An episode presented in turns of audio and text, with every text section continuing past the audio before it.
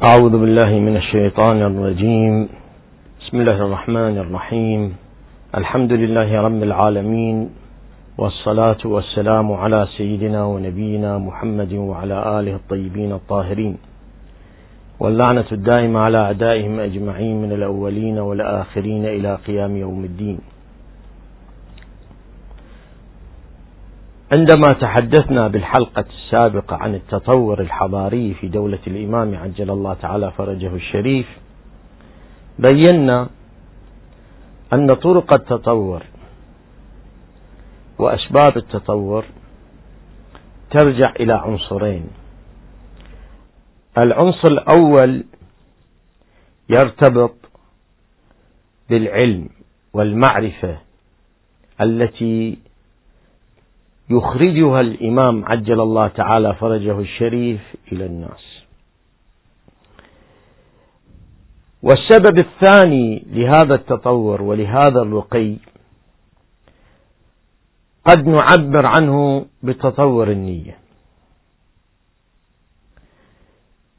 تطور النية عندما نعبر عنه هذا التطور يشير إلى قانون غيبي ذكره القرآن الكريم. ولو أن أهل القرى آمنوا واتقوا لفتحنا عليهم بركات من السماء والأرض. يعني أن هناك علاقة بين الإيمان والتقوى وبين نزول البركات من الله سبحانه وتعالى.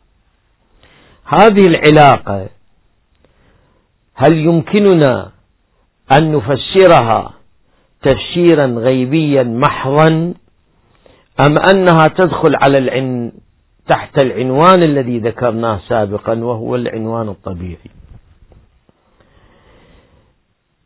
ربما هناك توجه عند بعض المؤلفين والكتاب يريدون أن يفسروا القضايا إما تفسيرا غيبيا محضا وينكر حينئذ كل الوسائل الطبيعية.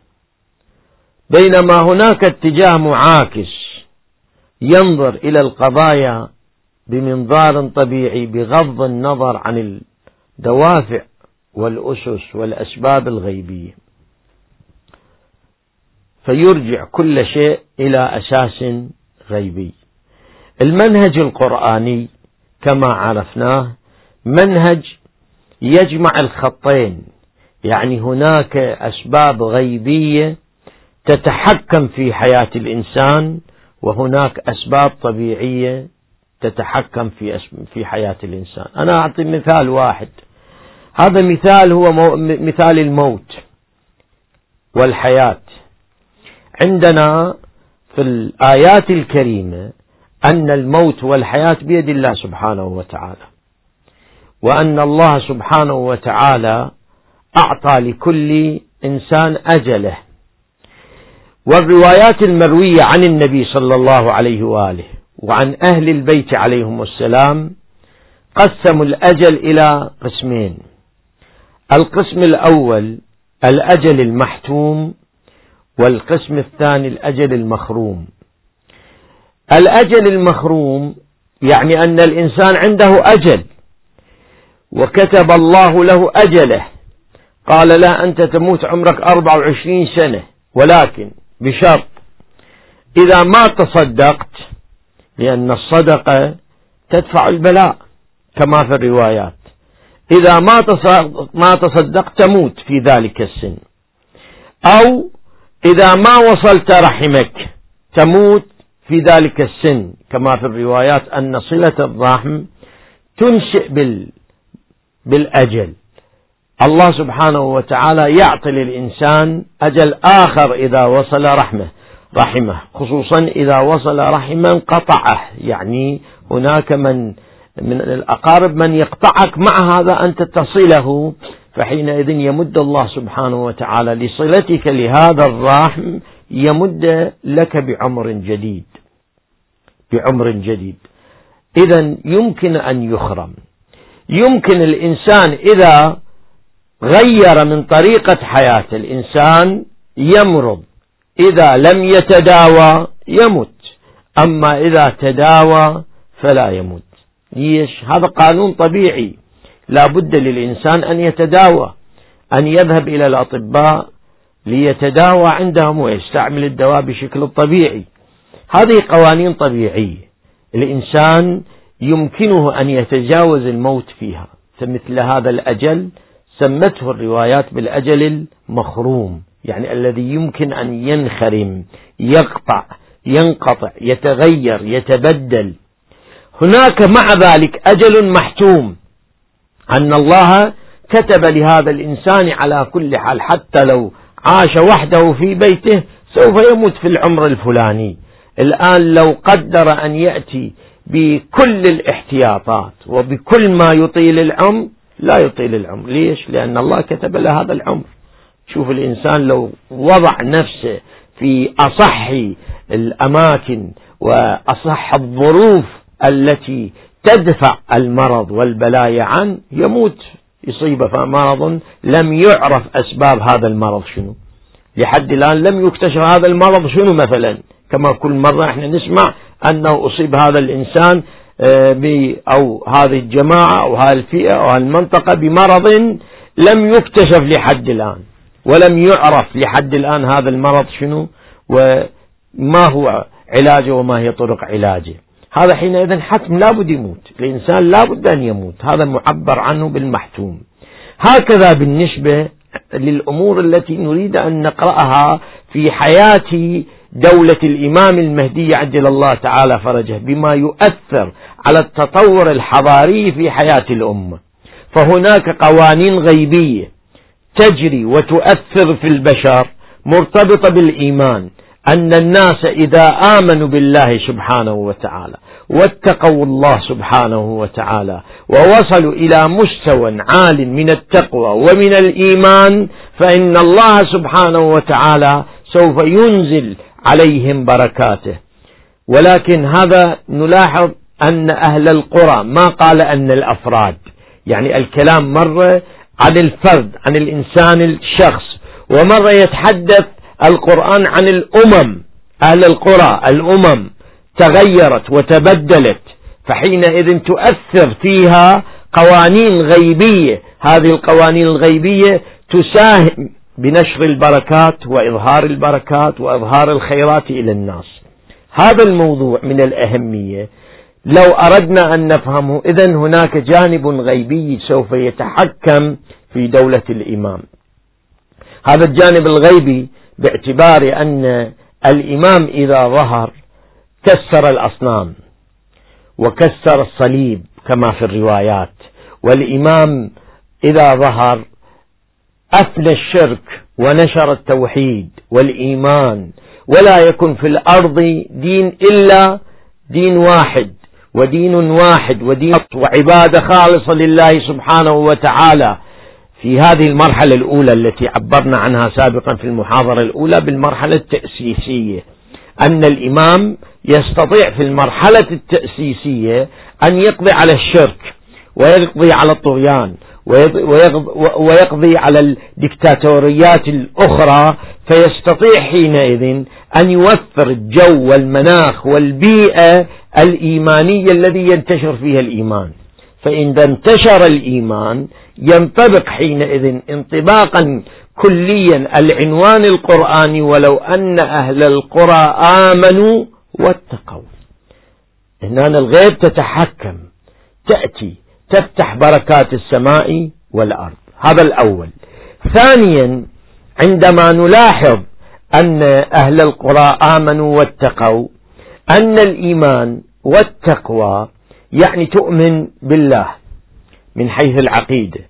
وتؤمن بالله من حيث صفاته وأسمائه كتبه وملائكته أنبيائه واليوم الآخر. هذه العقيدة القلبية تنعكس على حياة الإنسان.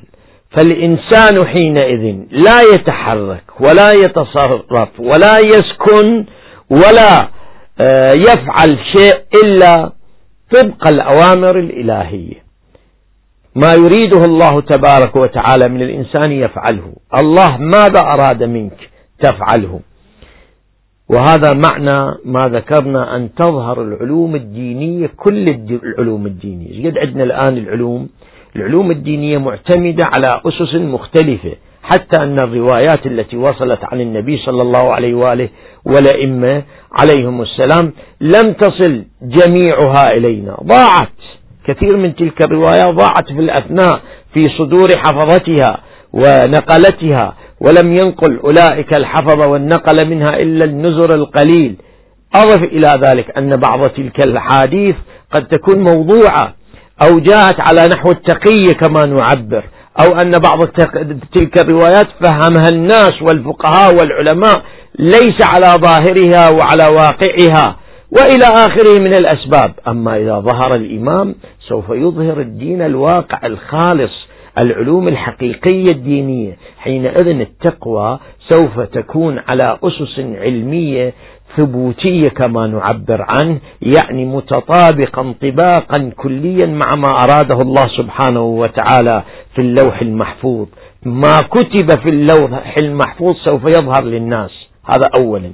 اثنين نقرأ أيضا في هذا التطور الديني الذي يظهر في حياة عصر الإمام عجل الله تعالى فرجه الشريف أن هذا التطور الديني أن الإنسان في زمان الإمام سوف يكن بمستوى الرقي والتطور الذاتي بحيث يستطيع أن يعمل بكل الدين. يعني أن التقوى يكون تقوى حقيقة الآن قد يكون إنسان متدين. ولو ننظر إلى الناس المتدينين نجدهم مو جميعهم مو بمستوى واحد. كلهم متدينون. انطباق عنوان التدين تدين ينطبق عليهم جميعا على جميع المتدينين. ولكن إذا لاحظنا أن هؤلاء هل هم كلهم بطبقة واحدة؟ لا. الناس مختلفين. يعني مستوى التدين عند الناس لم يكن بمستوى واحد وإنما بمستوى مختلف. بعض الناس تجدهم لا يعصوا الله طرفة عين ولكن بعض الأحيان تلقاه متدين ولكن في الأثناء يتساهل ويتسامح في الممنوعات الشرعية. ثم يتوب إلى الله سبحانه وتعالى. وهذا ينطبق عليه الخبر المروي عن النبي صلى الله عليه وآله. كل ابن, كل ابن آدم خطاء وخير الخطائين التوابون. على كل حال الناس مختلفين بمستوى التدين في هذه العصور. لكن إذا ظهر صاحب الأمر عجل الله تعالى فرجه سوف يكون المستوى الإيماني والديني والتقوى مستوى أن الناس يحاولون أن لا يعملوا خلاف الأمر الشرعي ولا يعملوا ما لم يرده الشرع منهم. آه، ولذلك يكون تقواهم تقوى عالي.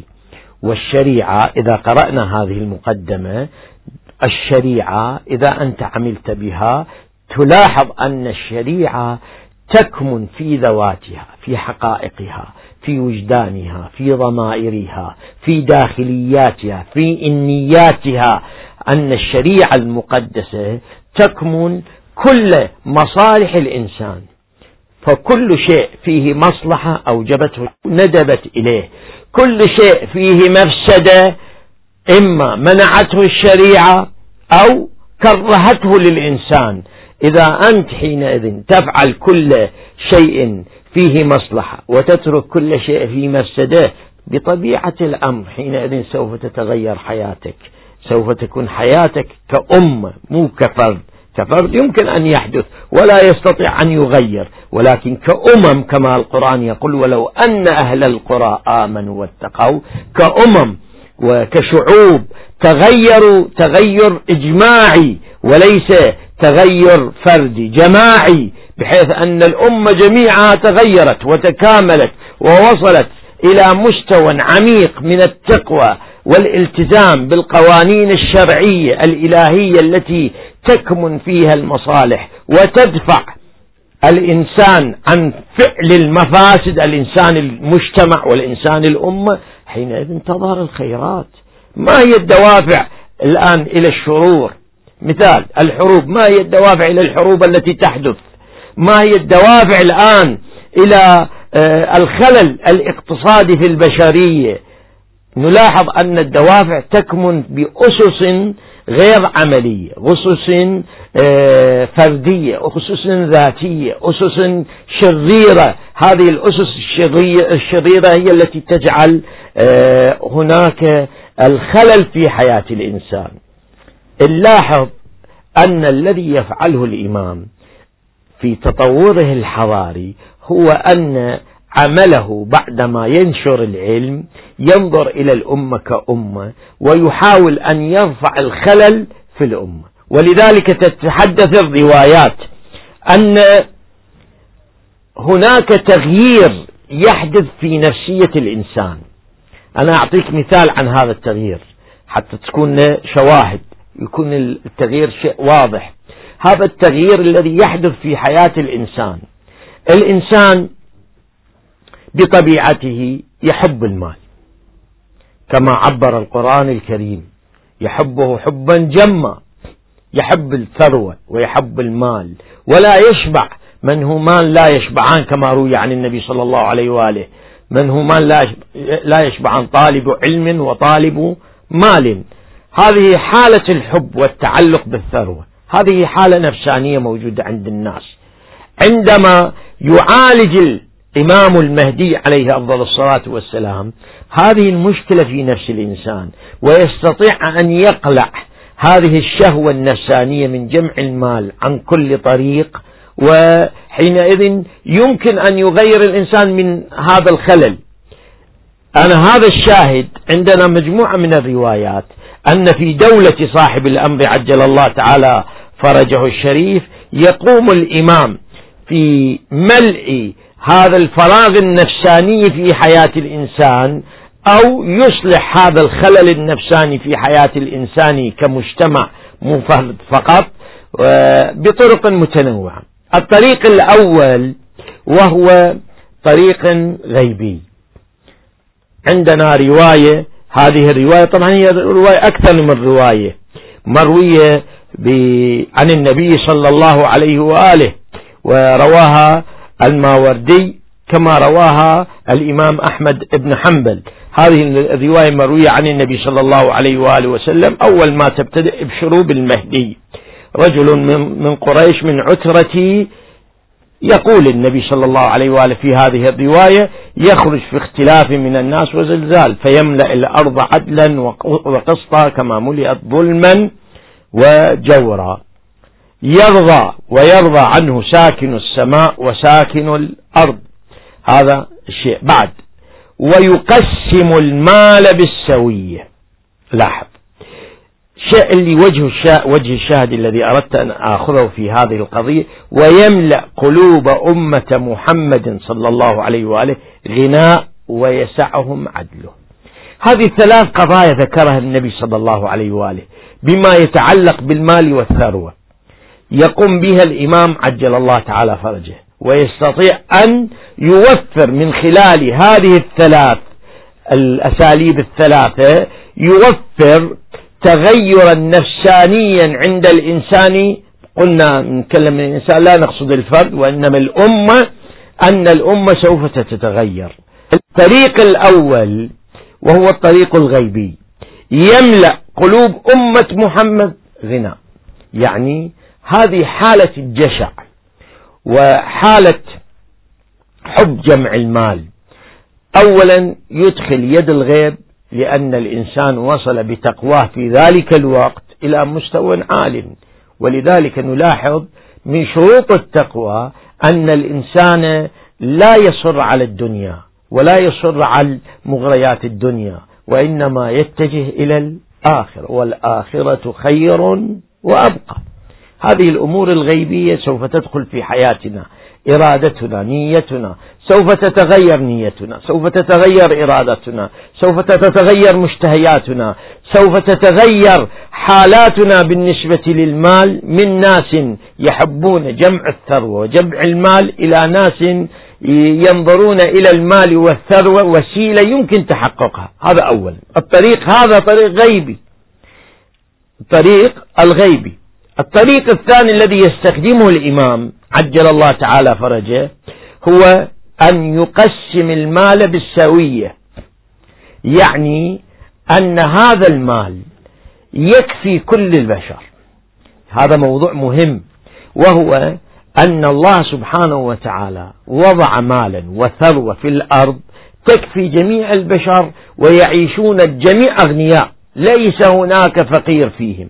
ولكن المشكلة هي مشكلة كيفية تقسيم هذه الثروة. أن الثروة لو استطاع آه، الحكم والنظام الحاكم أن يوجد الوسائل القانونية والوسائل آه، العلمية التي يقسم الثروة بالتساوي على جميع البشر لأغنتهم وزادتهم لأن الله سبحانه وتعالى خلق الأرض فيها قابليات. هذه القابليات العظيمة في هذه الأرض يمكن للإنسان كل الإنسان أن يحتاجوه. الآن عندما نلاحظ يبحثون عن حلول أخرى للمشاكل الاقتصادية التي تمر بها الأمم من جملتها مثلا تحديد النسل باعتبار أن هناك البشرية آه، على حافة انفجار سكاني قد يؤدي إلى كوارث طبيعية لأن الأرض لا يمكنها أن تستوعب هذه الأعداد الكبيرة من البشر. هذا الكلام آه، القرآن لا يرتضيه. وهناك نص قرآني أن أن الله يرزق الناس جميعا والذي يقتل آه، ابنه خشية إملاق خشية الفقر يعبر القرآن عنه خشية إملاق. القرآن يتهجم على هذا الفكر ويعتبره مروقا عن الحق وعن الصراط المستقيم لأن الفقر الغير محسوب عندما خلق الله الأرض. خلق الله الأرض بما يغني البشرية وكم كان عدد البشرية. ولذلك أن المشكلة ليست هي أن الأرض تستوعب أو لا تستوعب لأن القرآن يعتبر أن الأرض فيها من الخيرات والنعم والبركات ما هي قادرة على استيعاب آه، البشر جميعهم هؤلاء الذين يأتون بعده. المشكلة مشكلة هي تقسيم الثروة لأن لم يوجد أولئك الذين آه، فيهم من العدل والقسط والقدرة على تقسيم الثروة. فإذا وجد أولئك الناس الذين يساووا في العطاء حينئذ تتغير الأمور. نلاحظ إذا الإمام العادل الذي يملأ الأرض قسطا وعدلا سوف يساوي بين الناس. حينئذ إذا كل الناس أصحاب ثروة فلا يحتاج الإنسان حينئذ آه، إلى الجشع. الطريق الآخر هو أن الإمام عجل الله فرجه الشريف سوف يخرج القوانين الطبيعية التي يستطيع الإنسان أن يطور آه، فيها آه، مكنوزاته. يعني أنا أعطي مثال مثلا. الآن أي مصنع لو يعمل بأدوات وآلات تكنولوجية قديمة إنتاجه سوف يكون ليس بمستوى المصنع الذي يعمل بأدوات وآلات تكنولوجية متطورة. التطور سوف يؤثر على الإنتاج. كما وكيفا. كمية الإنتاج سوف تكثر نوع الإنتاج سوف يكثر. الإمام عندما يخرج القوانين الطبيعية للبشرية هذه القوانين التي تخرج كنوز الأرض وتخرج خيرات الأرض حينئذ سوف تكون نعم الله سبحانه وتعالى بكثرة. وتكون نعم الله سبحانه وتعالى بخير ما يجعل الإنسان غنيا. ولذلك عندنا في جملة من الروايات أنه إذا ظهر الإمام أخرجت الأرض كنوزها. وهذه الروايات مروية بطرق المسلمين جميعا الشيعة والسنة. من جملة تلك الروايات المروية آه، في مستدرك الحاكم على الصحيحين الحاكم النيسابوري مروية عن النبي صلى الله عليه وآله بإسناده إلى أبي سعيد الخدري. يقول في حول الإمام المهدي أول ما تبتدئ الرواية تقول يكون في أمتي المهدي. النقص فسبع يعني سبع سنين سوف يحكم وإلا فتسع. طبق هذه الرواية. تتنعم أمتي فيه في الإمام المهدي نعمة لم ينعموا مثلها قط. لاحظ. هذه الرواية هكذا تنص. تؤتي الأرض أكلها. لا تدخر عنهم شيئا. بعدين بالأخير بالرواية تقول وتلقي الأرض أفلاب كبدها. يعني أن الأرض سوف تخرج كل ما فيها من الخيرات. خروج هذه الخيرات. مرة نحسبها حسابا غيبي ومرة نحسبها حسابا طبيعي. الآن لا تناقض أن تكون القضايا على نحوين وطريقين وشكلين. مرة قد تكون الله سبحانه وتعالى يسهل خروج هذه الخيرات. يعني هناك تغير في الأرض يجعل من خلال الزلازل وخصوصا نقرأ بالروايات أن قبل ظهور صاحب الأمر أن هنالك زلازل وتغيرات في الأرض كبيرة سوف تكون. هذه الزلازل سوف تغير طبيعة مجاري المعادن. فلذلك بدل ما تكون المعادن النفيسة كالذهب والفضة والنفط وغير كان موجود والنحاس وإلى آخره موجود في الروايات عميقة تكون تخرج أفلاذ أكبادها بواسطة القضايا الإلهية القوانين الإلهية في هذه الأرض سوف تخرج تلك آه، المعادن النفيسة إلى الأرض ظاهر الأرض. فيمكن حينئذ لكل أحد أن يحصل عليها. هذه طريقة. أو أن الإمام عجل الله تعالى فرجه يعطي الناس القوانين الطبيعية التي تسهل عملية استخراج تلك المعادن بحيث يمكن لكل إنسان أن يستخدمها. سابقا مثلا عندما الإنسان يريد يحفر بئر ماء لأجل أن يصل إلى البئر الماء تجد القرية بكاملها تعمل وتشتغل ولو يحصلون الماء لو ما يحصلون الماء.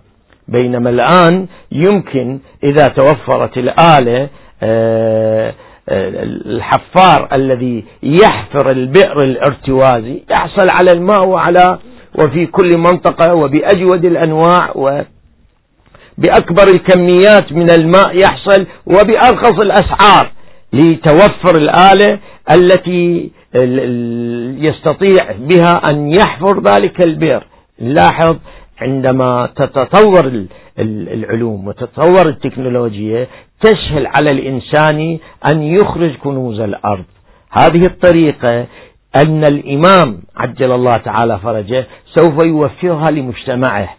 والمجتمع ما يقصد بها المجتمع الشرقي أو الغربي وإنما كل المجتمعات البشرية التي تعيش على الأرض لأن قلنا أن الإمام رحمة للعالمين جميعا فهذه الرحمة سوف تشمل العالمين جميعا بلا استثناء. ولذلك سوف يخرج كنوز الأرض يستطيع الإنسان حينئذ أن يتنعم بها وتلقي الأرض أفلاذ كبدها. هذا الإلقاء يعني إخراج. قلنا الإخراج قد يكون طبيعي. هذا العمل الذي سوف يحدث في زمان الإمام صلوات الله وسلامه عليه حينئذ آه، سوف تغير قوانين القيمة الشرائية والأشياء الآن الذهب غالي. ليش؟ لقلة الذهب. أما لو كان الذهب آه، موجود بمقدار ما هو موجود التراب حينئذ القيمة الشرائية الذهب راح تقل بقانون العرض والطلب. مثلا النفط كلما يقل ويصعب استخراجه كلما ترتفع قيمته الشرائية.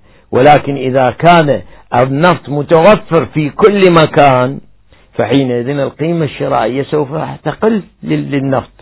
الإقبال لاختزان النفط ولاختزان الثروات وللأموال مع كثرتها حينئذ تغير نفسية الإنسان تجاه تلك الأشياء التي يرغب أن يخزنها ويقتنيها وتؤثر عليه. هذا التغير في النفس لكثرتها. يعني هذا قانون طبيعي بالحياة. إذا توفرت الأشياء فحينئذ الإنسان بطبيعته يعزف لذلك عندنا في بعض الروايات أن الإمام صلوات الله عليه يرسل من ينادي من أراد المال فليأتي من أراد المال أن يأتي من أراد المال أن يأتي. فلا يجد من يطلب هذا المال. أن الإمام حينئذ آه، غير النفوس. هنا روايات كثيرة. الوقت لا يسع. أن آه، نتعرض إلى جميعها ولكن هذه كلها تقول لنا أن التغيير الذي سوف يحدث في عصر الإمام عجل الله تعالى فرجه سوف يغير القوانين الاقتصادية والطبيعية في حياة الإنسان بما يوفر الكمال للإنسان. نسأل الله أن يوفقنا أن نعيش تلك الأيام العظيمة وآخر دعوانا أن الحمد لله رب العالمين. والصلاة والسلام على سيدنا ونبينا محمد وعلى آله الطيبين الطاهرين.